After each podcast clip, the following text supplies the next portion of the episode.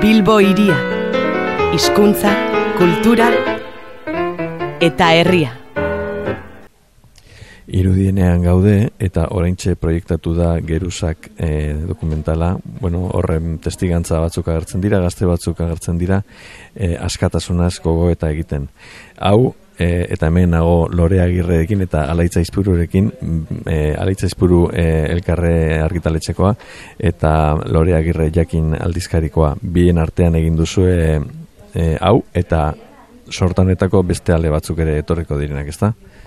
Bai, e, egin ditugu sei ikusentzunezko eta beste hiru ditugu programatuak, edo bueno, egiteko egiteko asmotan egizan pare bat urtetako proiektua izan da eta eta guain gabiltza aurkezten pixka bat jendearen aurrean ba, tematikoak dira ikusentzunezko hauek, ez? gazteak protagonista direla eta eta bueno, entzuten gazteak, zer du gaukaten esateko.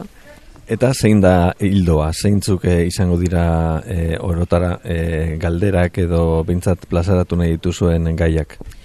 Bueno, proiektua nola bai da, e, proiektuaren helburua da gazteen artean e, pentsamentua, kultura, soziolinguistika eta feminismoa lantzea eta sozializatzea, ezta? Eta beraz, bueno, tematikoak dira gero ikusentzunezkoak, alegia gaiak e, gazteen laguntzaz e, hautatuko ditugu baita ere, datozenak ere, Baina gai hoiei eusterako orduan, ba, beti galdera hoiek luzatzerakoan edo nolabait buruan edo pixka zeru mugatzat eukiko ditugu, ba hori. E, berdintasunaren gaia, euskaldu nizatearen gaia, kultura eta pentsamendua eta pentsamendu autonomo eta kritiko baterako espazio bat ere irekitzea albidetuko duten galderak eta pixka bat e, proiektua hildo hortan e, garatuko dugu, datozen ikusentzunezkoetan ere. Eta horrelako zea izango da moldea, esan nahi dute, ez da librean gai bat plazaratu eta gazteen artean gogoetak? Bai, hori da.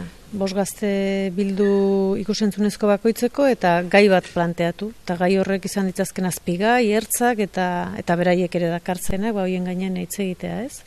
Eta, eta gero, bueno, beti bos gazte eta ero daude bi ez dakigu nola oso ondo ditu, ez dira adituak, baina bueno, bi filosofia ikasitako, filosofia irakasle direnak, eta hori pixa bat alako kontrapuntu bat egiten dute, ez? Pentsamenduak zer dio gai horren bultan, edo tradizioak zer esan du, edo gaur egun, eta baina gazten bizipenak nolabait jazte dute eta beraste dute, eta ematen dio benetako tasuna proiektu honi, ez? Eta gainaz benetako tasun horrek uste dut dela giltza, ba, ikusten den lekuetan, berdin hezkuntzan hezkuntzatik kanpo edo gaztetxe batean dena delaen edo kuadria batean, ba, ez da hori eta espazio hori irikitzeko bidea dela ez. Eta hori da.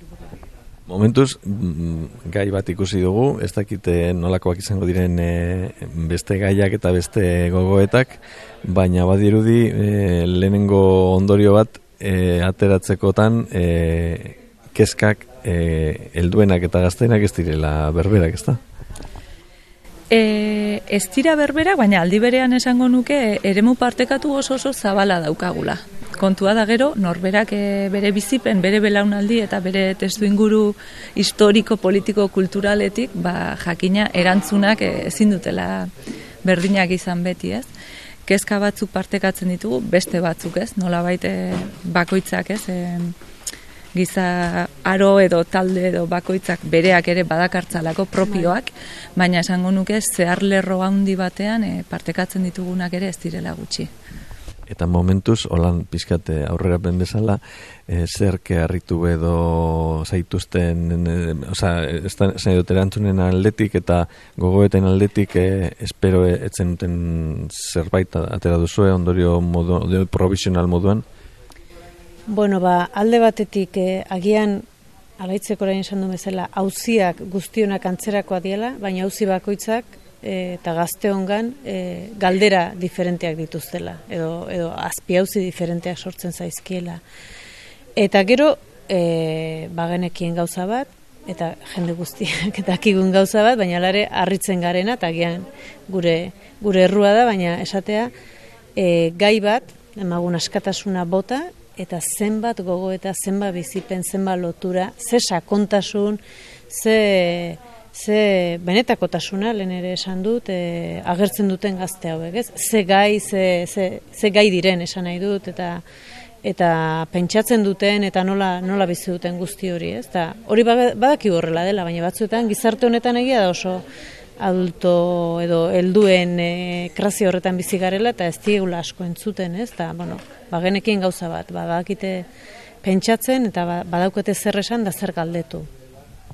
Eta, bueno, amaitzeko entzulentzat, e, agian, e, bueno, salantza edo no, noiz edo nola ze formatutan edo ze entregatan edo ze euskarritan e, e, ikusi izango dute hau.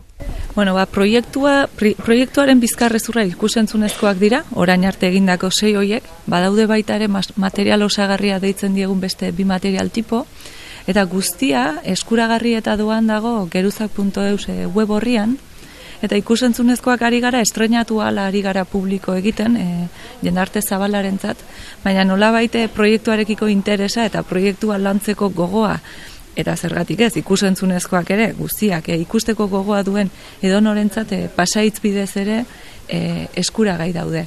Web horrian e, daude jarraipideak, e, pasaitzoiek ere lortzeko, eta gu gogotxu gaude pasaitzoiek banatu, eta jendeak geruza proiektua ezagutu dezan. Bueno, gu ere gogotxu geratuko gara, momentu zentzule egoa ere bai, ba urrengo aleak ikusteko, entzuteko. Eskerrik asko biei. Eskerrik asko. Eskerrik asko. Bilbo iria.